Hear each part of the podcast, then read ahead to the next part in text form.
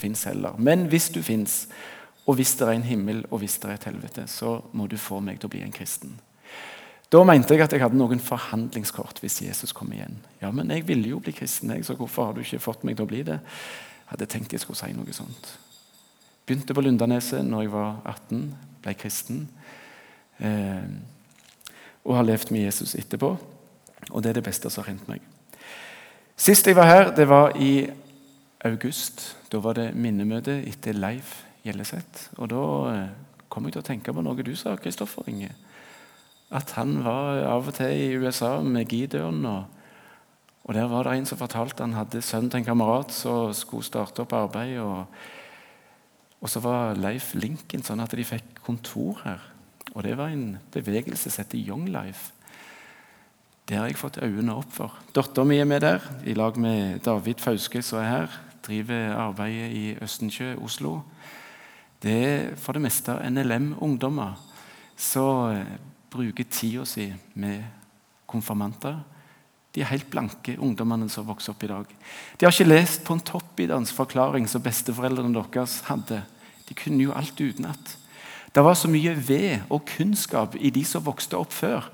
Så Da kunne de bare inn på et møte, og så hadde taleren et eller annet å sette fyr på.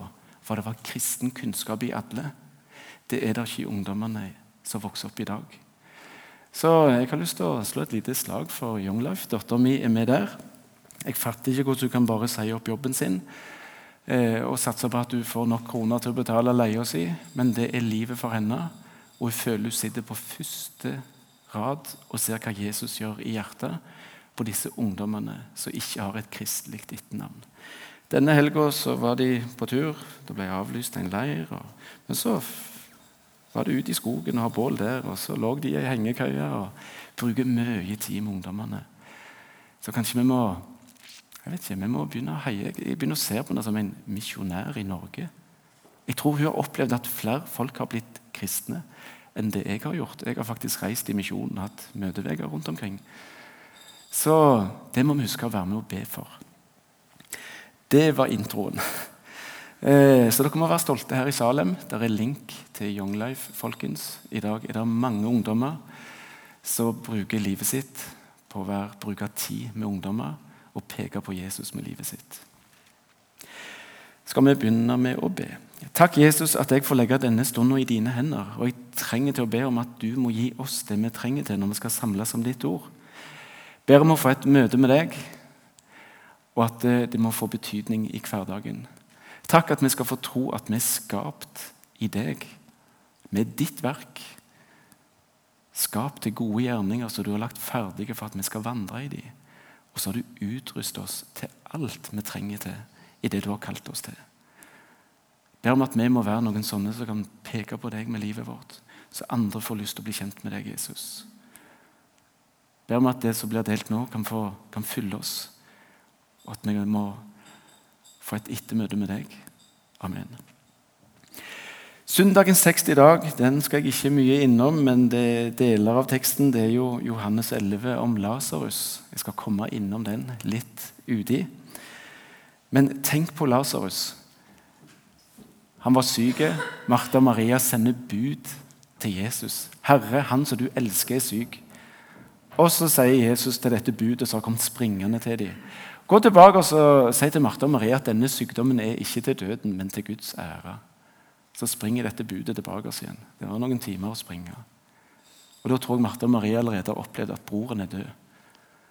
Og så kommer dette budet springende tilbake. Skulle hilse og si for Jesus at denne sykdommen er ikke til døden, men for at Gud skulle bli æra med den. Jesus visste hva som skulle skje.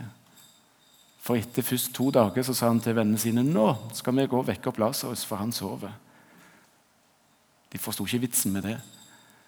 For hvorfor skulle han vekke han hvis han sov? Den bibelhistorien forteller meg at Jesus kan tillate meg og deg at vi har åndelig krise og opplever tunge tak. Og så visste Jesus hva planene hadde med Lasarus. Men det var sikkert ikke lett for Martha og Maria i den perioden. Eh, men hadde de tatt til seg det ordet, stolt mer på det ordet de fikk av Jesus, enn det de så med øynene sine, så hadde de ikke hatt problem. denne sykdommen er ikke til døden. Hadde de trodd mest på det, og ikke det de så, så hadde de ikke hatt åndelige problemer. Nå må vi tilbake oss til denne her pelikanen vår. Du lurer gjerne litt på den. Og nå håper jeg at denne her virker. Hvis ikke, så har jeg en avtale Han virket når jeg sto her i stad. Der. Eh, vi pleier å spørre hverandre hvordan har du det for tida. Ganske vanlig spørsmål. Er du på rett plass i livet ditt? Oi, jeg bør gjerne stå litt her. Kjenner du deg klar, eller er du helt på felgen? Meg og deg vi liker best når vi kan surfe på ei bølge, eller seile i medvind, eller danse på roser, eller kall det hva du vil. Men ofte så er det stikk motsatt. Er det ikke det? Livet er hardt. Eh, vi får mange ting som kan eh, ja, få oss til å føle eh, at hverdagen den er ikke alltid like lett. Og så tilbake til pelikanen vår. For I Salme 102 så står det at hjertet mitt det er akkurat så solsvidd og visna gras. For jeg har glemt å spise brødet mitt. Eh, mens jeg sukker høylytt, så har jeg blitt til bare skinn og bein. Jeg ligner pelikanen i ørkenen. Jeg er blitt akkurat så ugla på øde plasser. Pelikan, hva er det for noe? Har du kontroll på det, Kristoffer Inge? Jeg visste det var en fugl. Jeg forsto ikke poenget med dette her bibelverset første gang jeg eh, var borti det. Kanskje du aldri har lagt merke med det før, men en pelikan den hører ikke hjemme i ørkenen. Her ser dere en pelikan. Og Bildet oppe til høyre ser dere i skyggen der, så har han en fisk. Han har nettopp spist en fisk. Det er lite fisk i ørkenen. for å si det sånt. Pelikanen har summeføtter mellom teten, holdt jeg på å si. Han er skapt til å være i vannet. Så Når en pelikan er i ørkenen, så er han i et element han ikke var skapt til å være i. Og da, sånn som ungdommene sier, det suger. Altså, det tapper krefter av oss. Det suger, sier ungdommene. Er du en pelikan i ørkenen, da er livet ikke noe godt. Å være i det rette elementet, det er å få gjøre det du har utrustning til. Altså å gå i tospann med Jesus. For det står i Matteus 11, 28-30.: Kom til meg, alle dere som strever tungt å bære, og jeg vil gi dere hvile. Og så kommer det 'ta mitt åk på dere'. Først skal vi hvile, og så skal vi ta på et åk, altså gjøre en jobb. Det var litt motsiende, dette, var det ikke det? Men ta mitt åk på dere, og lær av meg. For jeg er sagt modig og ydmyk av hjertet, så skal dere få eh, Jeg har eh, slitt litt med de små bokstavene. Eh, så skal dere finne hvile for sjela deres, for mitt åk er ganglig, og min byrde er lett. Dette skal vi snakke om i dag. Hva er det Jesus snakker om her? Å gå i tospann med Jesus tar mitt åk på dere. Altså, Vi går faktisk på sida av Jesus. Det er derfor jeg tror at det er lett. Om du sitter her og puster nå, Kristoffer Inge Tenkte du for ett minutt siden nå må ikke jeg glemme å puste, for da dør jeg. Tenkte du på det? Nei. det er bare, Du er skapt sånn at det går av seg sjøl. Jeg tror at når vi gjør tjenester i Guds rike, så er du ikke klar over det. Akkurat som Kristoffer Inge. Han bare puster av seg sjøl. Det var ikke stress. Når du gjør noe du har utrustning for, så vil du si det er lett. Det tror jeg det handler om. Når vi gjør ting som Gud minner oss om, så har Han gitt oss utrustning til det. Her ser dere noen som er det rette elementet. Det er en fisk i havet, ei ku på enga, Fuglen som svever i lufta, og kolibrien som har nebbet sitt helt perfekt tilpassa der han får maten sin ifra. Og akkurat som Faderen har elska meg, så har jeg elsket dere. Bli i min kjærlighet. Og hvis dere holder mine bud, da blir dere i min kjærlighet. Akkurat som jeg har holdt eh, min fars bud og blir i hans kjærlighet. Dette har jeg talt til dere for at min glede kan være i dere, og deres glede kan bli fullkommen nå virker den her. Et liv i balanse. Noen av dere har gjerne sett denne trikanten. Første gang jeg så den, tenkte jeg åh, er det et eller annet sånn teoretiske greier her som skal forklare. Men så har jeg ikke kommet forbi den der trikanten der. Et liv i balanse. Opp, inn, ut. Men så forsto jeg jo hva det egentlig var. Opp, det at det, vi må få et møte med Gud. Vi har med Gud å gjøre. Altså, Du trenger til å gå oppover. Du trenger å få med Gud å gjøre. Inn. Du trenger å komme inn i en menighet og bli betjent av de nådegavene som fins i en menighet. Og sist ut. Vi er ikke kalt til å bare ha med Gud å gjøre og bare gå i kristne sammenhenger hele veien. Av og til så føler jeg at det, det blir åndeliggjort. At vi skal, liksom, vi skal ikke gjøre noe. Altså, en, Se for deg en lam kropp som ligger og får intravenøst på et sykehus. Av det så hører jeg noen som vitner, og det er helt sant. Det er så godt å hvile i det Jesus har gjort, men da blander de det med frelse og det vi er skapt til. Vi skal ikke gjøre én en eneste ting for å bli frelst. Men av og til så har jeg fått inntrykk av at noen idylliserer at vi skal ikke gjøre noe. Vi skal bare ligge på denne sykehussenga, kroppen skal være helt lam, jeg får mat intravenøst. og hvor godt det er å få næring. Ja, det er godt å få næring for troa si. Men vi er ikke skapt for ikke å gjøre noen ting. Derfor står den der trikanten ut. Vi er skapt til å vise Guds kjærlighet til nesten vår. Derfor blir det feil hvis du bare skal ha med Gud å gjøre og bare gå i menigheten, og alle du drikker kaffe med, de har Jesus i hjertet. Hvor mange venner har du som ikke er kristne? Tenk på alle interessene dine. Går ikke an å dyrke de i lag med noen som ikke har Jesus i hjertet? Trenger ikke ha bibeltime for de heller. Men de legger merke med at du banner ikke. Du har andre holdninger og verdier i livet ditt. De begynner å bli nysgjerrige på livet ditt. Det tror jeg det handler om. Det som skjer på bedehuset, det er viktig. Jeg hørte en gammel taler som sa før møtet begynte, så tok han ei glo ut av ovnen. Det var i den tida de fyrte med ved på bedehuset. Tok gloa og la på det der metallbrettet foran ovnen. håper jeg, Ellers ble det stort merke i gulvet. På slutten av møtet sa han sånn går det med de som holder seg vekke fra forsamlinga si. Så tok han den glødende kålbeden og putta i ogen igjen, og så glødde han opp. Vi kristne vi trenger å samles. Gjerne én gang, to ganger i uka. Men Gud har kalt oss til å gjøre noe.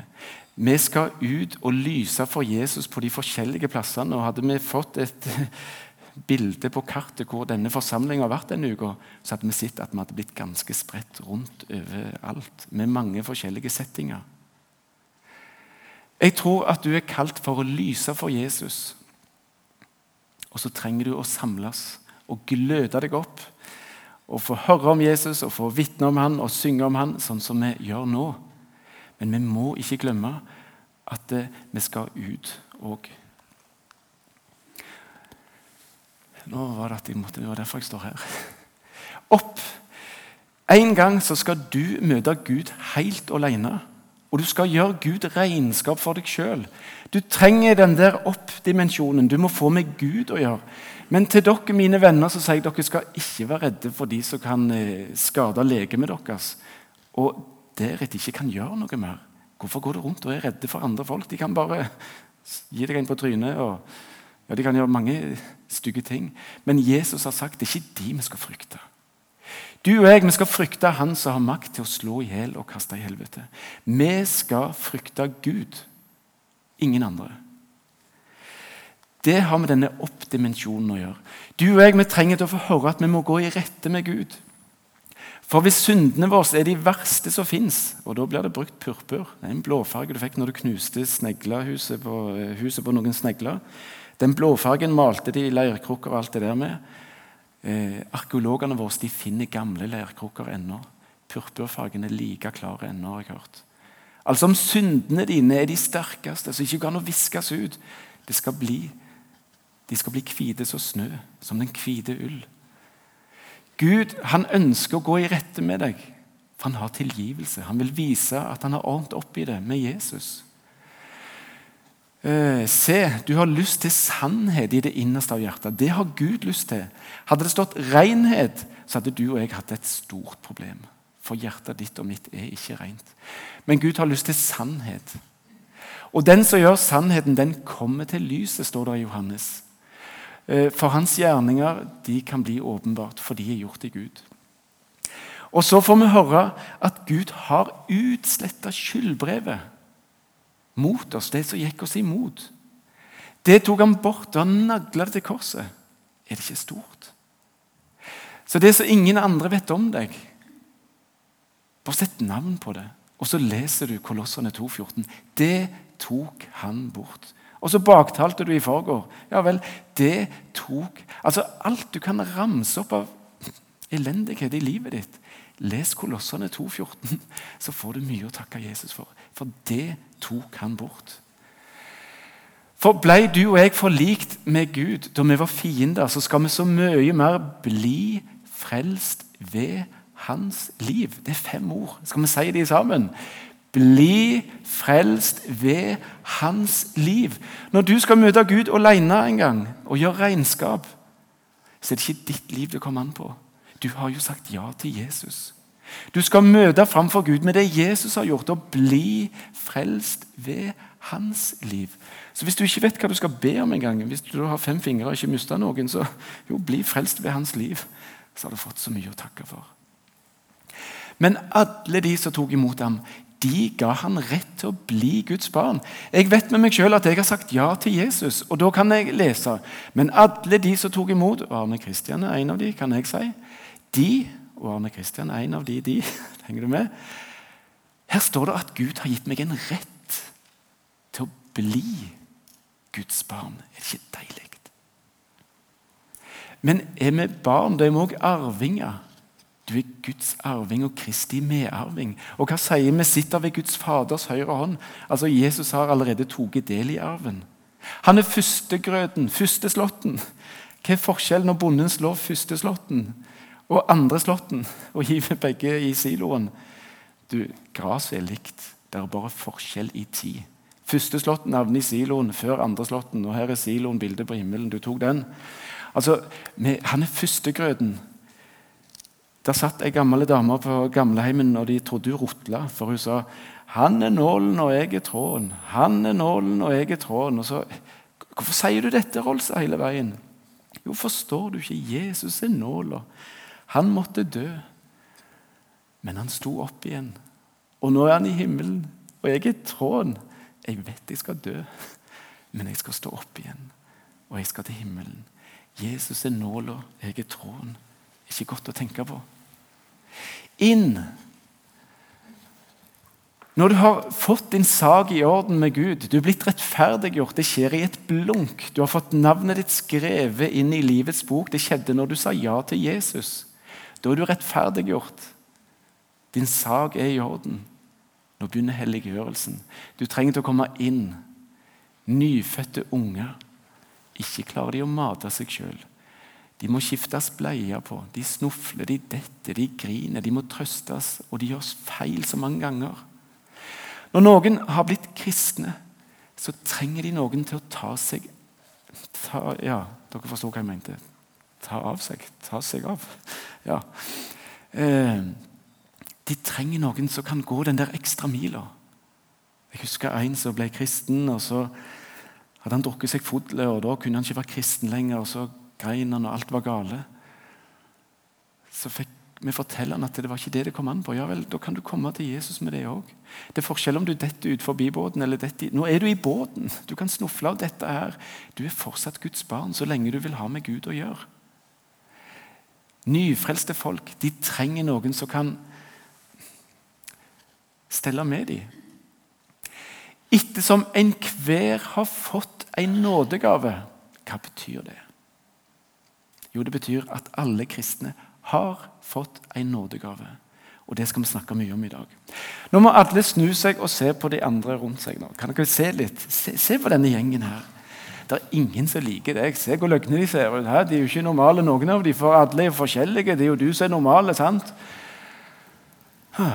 Sånn skal du ikke tenke. Når du ser på de andre rundt deg, her, så står det her i 1. Peter 4,10 at Gud har gitt de andre en nådegave. Og den har du bruk for. Etter hver som, eh, etter som enhver har fått en nådegave, så tjen hverandre med den. Som gode husholdere over Guds mangfoldige nåde. Gud har gitt de du nettopp så på, en nådegave så du skal få noe fra Gud igjennom. Derfor er det så viktig med de andre. For vi trenger hverandre, folkens. En nådegave det er en gave som du har fått av Gud, som du ikke har bruk for sjøl. Akkurat denne kua her, den har ikke bruk for melka som henger i juret der. Men kalven er veldig glad for at mora har melk. Kua bruker ikke melka sjøl. Dette treet, skal det bruke eplene sine sjøl? Nei. Det er noen andre som skal ha fruktene av det treet. Altså En nådegave det er en gave som Gud har gitt deg, men det er de andre som har bruk for den. Dette er, synes jeg er nydelig sagt. En nådegave er en gave som Gud har sendt med deg til menigheten. Og så spør jeg hvor mye bruker du den nådegava du har fått? For så sant du er kristen, så har du fått noe fra Gud som de andre har bruk for. Og når de får det, så kommer de til å takke Gud for det. Her var det så mye tekst at jeg klarer ikke å lese det som står på skjermen. Men jeg håper dere klarer å se det. Jeg har 37 slider. Alle er ikke så lange som denne, og jeg ser på klokka. Jeg skal prøve å komme i mål. Men her står det om nådegavene, folkens. Eh, når det gjelder de åndelige gaver, så vil jeg ikke at dere skal være uvitende. Dere vet, Mens dere var hedninger, så ble dere drogne og revne med til de stumme avgudene. Derfor kunngjør. Hver gang du ser det ordet i Bibelen, kunngjør, da må du få opp øynene. For det er superviktig. Eh, jeg kunngjør dere at ingen som taler i Guds ånd, sier 'forbanna Jesus'. Og ingen kan si 'Jesus er Herre' uten i Den hellige ånd. For det er forskjell på nådegaver, men ånden er den samme. Det er Den hellige ånd som deler ut nådegavene. Og så deler han ut forskjellige nådegaver, men Den hellige ånd er den samme. Og det er forskjell på tjenester, men Herren er den samme.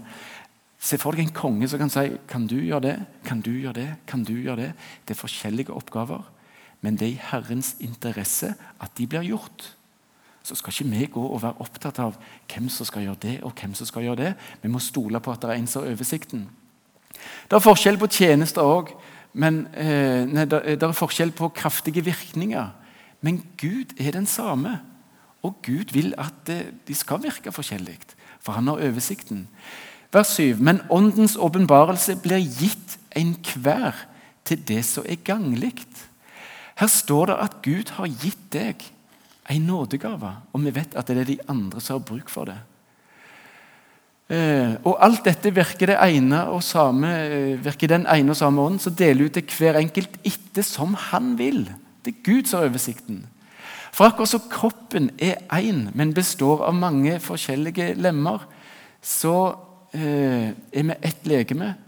Sånn er det òg med Kristus. For med én ånd ble vi døpt til å være et legeme, enten vi jøder eller grekere, eller treller eller frie. Og vi har alle fått en ånd å drikke.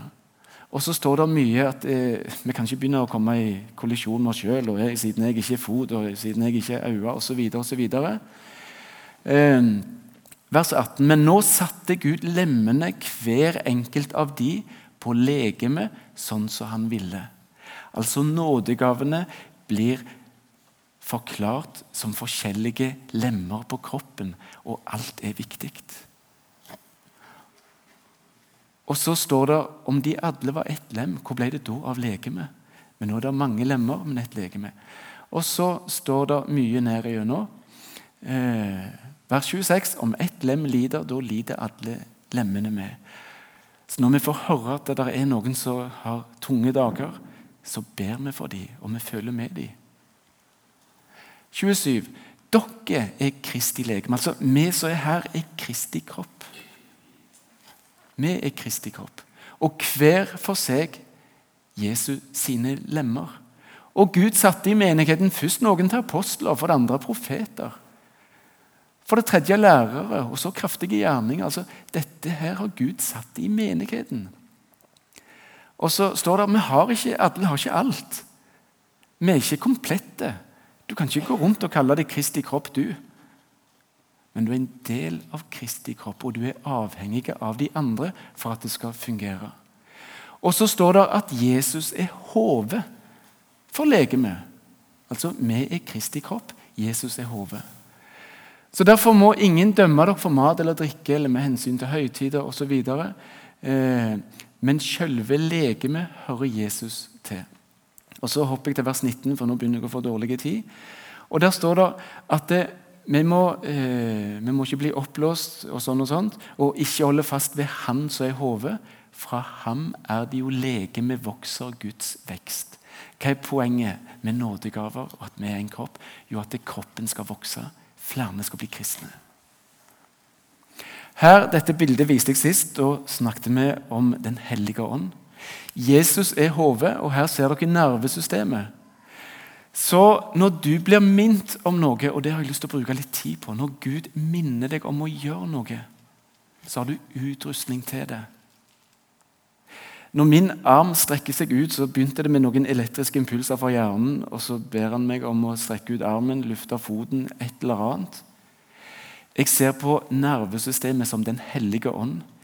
Jesus bruker Den hellige ånd for at vi på Kristi kropp skal kunne utøve Guds kjærlighet til de som trenger det.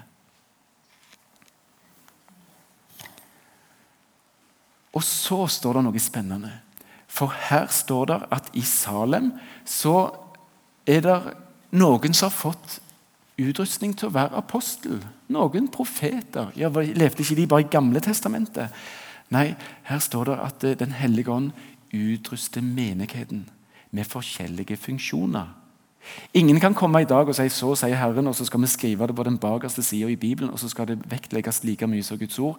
Det er ikke det som er meint med profet her men å være profetutrusta. Det er viktig å ha forskjell på. Noen er evangelister, noen er hyrder, noen er lærere. For at de hellige kunne bli gjort i stand til tjenestegjerning, til oppbyggelse av Kristi legeme. Og det er det vi er kalt til. Eh, vers 16. Ved Han blir hele legemet sammenføyd og holdt sammen med hver støttende bånd, alt etter den virksomhet som er tilmålt. Her fikk vi høre om fem forskjellige nådegaver, og nå kommer det bilde av ei hånd. Kan vi ta fram hånda vår, Adlemann, nå? Og så legger du hånda di på låret ditt, og så tar du den lange fingeren. Alle knokene må være nede i sånn som dette her. Og så gjør du sånt. Veldig bra, Nils. Eh, klarer du å lufte fingeren din nå? Langefingeren din? Det gjør du ikke, for nå lufter du på håndleddet. Du jukser. Du skal kun lufte fingeren. Du klarer ikke det nå, ser du det? Jeg løyer med det. Men pekefingeren den kan vi klare litt. Vi kan klare lillefingeren. Men når vi gjør sånt, da klarer vi ikke det. Jeg tror at vi kan sette noen nådegaver i en sånn eh, posisjon at de ikke kan fungere. Nå kan ikke min fing fungere, for han er blitt satt i en spesiell posisjon. Og En annen ting med fingrene våre. Kan dere gni pekefingeren og langfingeren i hodet? Ja, det var lett. Kan du nå prøve på pekefingeren og lillefingeren? Åh, det var litt verre. Disse her har ikke så mye kontakt. De er ikke bestiser, for å si det sånn. Skal vi prøve pekefingeren og ringfingeren? Ah, det var litt bedre. Litt lettere. Tommelen er den som er lettest for å være i kontakt med alle. Hvis du nå ser på denne hånda her, lillefingeren det er altså evangelisten, for den når lengst inn. Det er det vi klør oss i øret med. og alt det der. De som er utrusta som evangelister, de har spesiell inngang hos de ikke-kristne. Når lengst inn ut. Ringfingeren, det er hyrden, det. Der er det trøst og omsorg. De er blitt utrusta sånt. Guds farshjerte, den trofaste. Langfingeren, du vet denne her, den blir ofte oppfatta som provoserende. For alltid skal det Nei, det er ikke sånn det er. For det står jo i Bibelen at Og så kommer de med sitater på det ene og det andre. Så det er mange som har problemer med denne læreren. For han skal alltid korrigere og rette. Men så vet de ganske mye òg. Pekefingeren, det er de som viser vei. Trenger det òg. Tommel, det er apostelen, bobygger og omsorg. Og så er spørsmålet mitt konflikt eller samarbeid. Det blir helt feil hvis vi i alle styrer og råd bare skal ha tak i fullt de lærere. De som er så flinke i Bibelen. Ja, Det er bra at de er flinke i Bibelen. Men de trenger å ha en lillefing, Altså, De trenger en evangelist, de trenger en hyrde, de trenger en som er utrustet som profet, og en som er utrustet som apostel. Gud har satt disse her i menigheten. Jeg hørte om en som var evangelistutrusta. Det var en bymenighet. Og han, eh, pastoren jeg lurer på om han var eh, hyrdeutrusta eller noe sånt. Jeg. Evangelisten gikk og trakk for gardinene hele veien, for det var stort torg ut forbi, sånn at de ikke-kristne kunne se hvor godt de hadde det inne. Han Pastoren gikk og trakk for gardinen. Hallo, vi ikke noe underholdning her for de som, de som drikker litt av hvert på utsida. Han trakk gardinene for. Evangelisten trakk for. Møtet var, og han, eh, pastoren var kjempefornøyd. Å, det var jo fullt i folk! Nei, jeg er ikke fornøyd. Det var 18 ledige seter, sier evangelisten. Vi skulle heller hatt møtene der ute. Disse her to var alltid uenige. Ser du det? Så var det medarbeidersamtale en gang. Så sa evangelisten det er ingen i Guds rike jeg har vært så irritert og frustrert og sint på som deg. For du gjør stikk imot det jeg vil alltid. Men så har Gud vist meg at jeg trenger deg, og jeg er så glad i deg. Var ikke det fint? Du, vi trenger hverandre. Hvis disse fingrene her skulle hatt avstemning, hva er mest normalt? Å bøye seg den veien eller den veien? Ja, Fire mot én. Ja, du, du, er unormal. vi kan ikke holde på sånt. Når den hånda mi blir styrt av hjernen min, så er det et fantastisk redskap. Og alle trengs. Henger du med? Vi er forskjellige, og dette må vi spille på lag med. Eh, der kom han. Jesus sier til oss, 'Hvorfor kaller dere meg Herre, Herre?' Og så gjør dere ikke det jeg sier, da. Vet du hva jeg kunne tenkt meg? At neste gang jeg, Nå har jeg glemt ut navnet ditt. Kan du tilgi meg? Stine? Kristine. Hvorfor er det ikke sånn når vi tre, Ja, Kristine, kjekt å se deg. sånn. Ja, Hva har Gud minnet deg om i det siste? Er du med på den?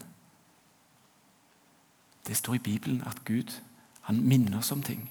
Han bruker Den hellige ånd til å si at vi skal gjøre ting. Men vi vil ikke være sånn karismatiske heller, Kristine. Vil vi det? Vi er litt redde for det. Så vi kan ikke holde på sånt. Og så snakker vi ikke om disse tingene. Jeg hadde ønsket at det ble en kultur at vi, Hva har Gud minnet deg om i det siste? Jeg jobbet med ei en gang. Det var ikke på Tryggheim der jeg jobber nå.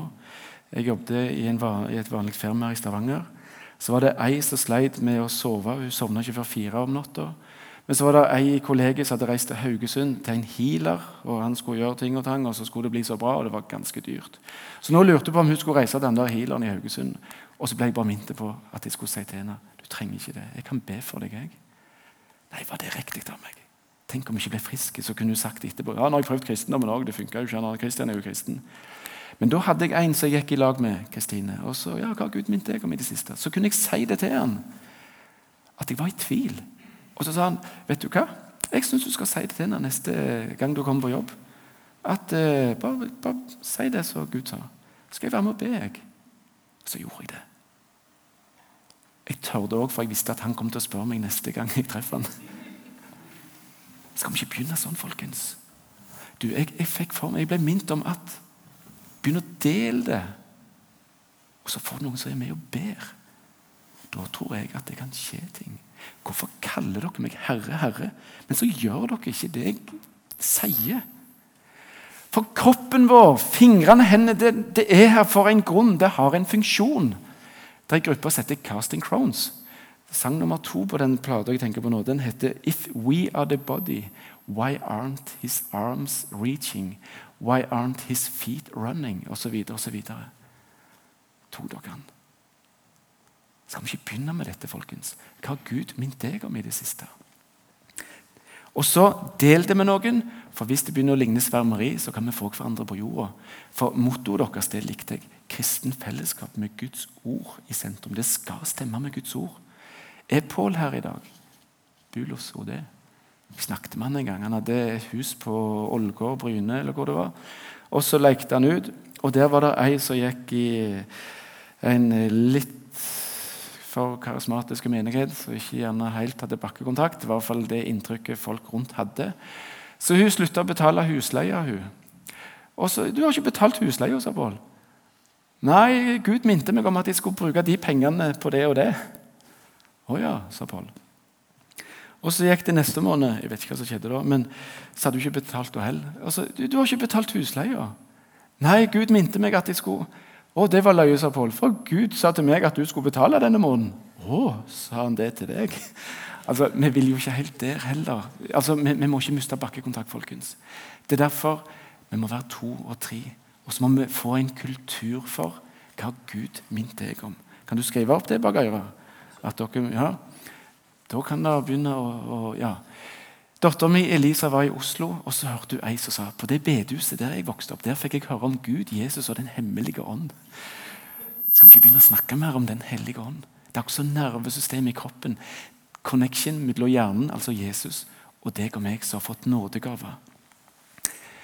Eh, her står det i vers 17 at det, når vi har Jesus i hjertet, så er vi fullt utrusta til all god gjerning. Vi har fått alt vi trenger til. Og så tilbake til Lasarus. Jesus hadde vekt opp Lasarus, og det var liv i han, men han hadde liksvøpe bonden rundt seg, så jeg tror han kom sånn som dette ut av grava. Og alle fikk se her kommer Lasarus. Og så sier Jesus, 'Løs han, og la han gå'. Du har en nådegave, men jeg tror at du og jeg kan være bonden av forskjellige bånd, sånn at vi ikke får fungere sånn som vi var skapt til å fungere. Jesus sørget for at Lasarus ble løst og kunne være sånn som han var skapt til å være. Sjekk denne her. Det er et sitat fra Johannes Kvalheim, som mange av dere kjente. Jeg tror jeg har fått nådegave til å skrive brev. Det sa Johannes Kvalheim. Britt Lien og meg vi fikk et brev av Johannes når Britt Lien hadde kreft. Vi bodde på Flekkerøy. Da var det himmel i stua. Be Arne Kristian finne sangboka. Be han slå opp på sangnummer sånn og sånn. Han kan gjerne synge det tredje verset òg. Alt dette sto skrevet. Jeg gikk og fant sangboka. Og så hadde han skrevet et brev til Britt Lien, for han hadde hørt at hun var syk. Vi følte at vi ble bare løfta på fanget til Jesus. Klumpen i magen forsvant. Det var noen bibelvers og det var noen sangstrofer. Kåre Eidsvåg, du sendte meg 5. Mosebok 31, 31,8 når Britt Lien var syk. Takk skal du ha for det. Jeg tror du ble minnet om å gjøre det. Det var oss til stor hjelp, og jeg har tatt det med mange ganger etterpå. Herren, han som drar foran deg, han skal være med deg. Han skal ikke forlate deg, han skal ikke slippe deg. Du skal ikke frykte å være motløs. Takk. Om du har bekrefta noen andre sin nådegave Dette tror jeg er viktig. Du, jeg vil bare si jeg er så glad til at du er lydig. Hver gang når du er og deler noe, så, så får jeg noe. Det virker som du har fått ei spesiell nådegave. Du, du forteller vanskelige ting på en enkel måte, så jeg forstår det. Takk at du gjør det. Har du sagt det til noen? Er det lenge siden du har oppmuntra noen til å være frimodige? For hva står det i Bibelen? Jo, Det står at vi skal gi akt på hverandre, så vi kan oppgløde hverandre til kjærlighet og gode gjerninger.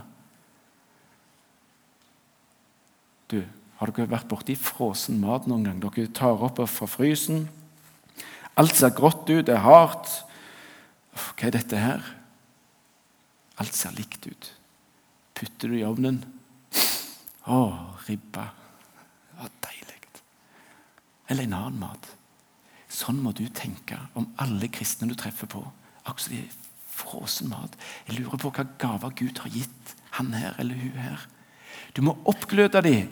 Gjør dem frimodige, så de kan begynne å være den de var skapt til å være.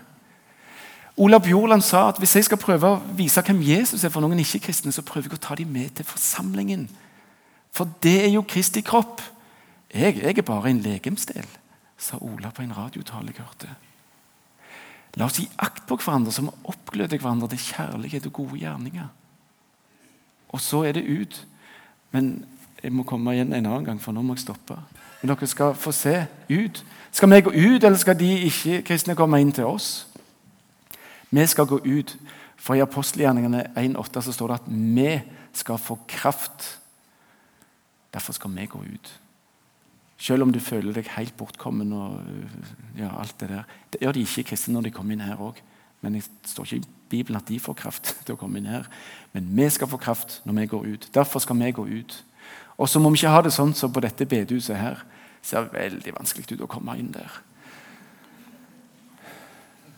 Hva er størst i vår forsamling? Det ytre trykket som gjør at vi isolerer oss og holder oss her er så varmt og så godt og stille og alt det der.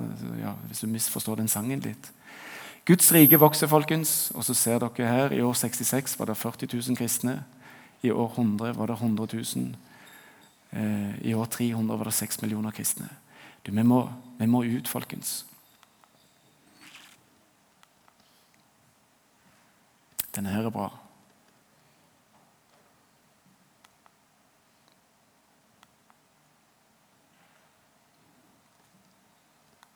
Da var vi ferdige. Når Paulus så brødrene, så takket han Gud, og så fattet han mot. Skal vi be. Kjære Jesus, kan du holde etter møtet med oss?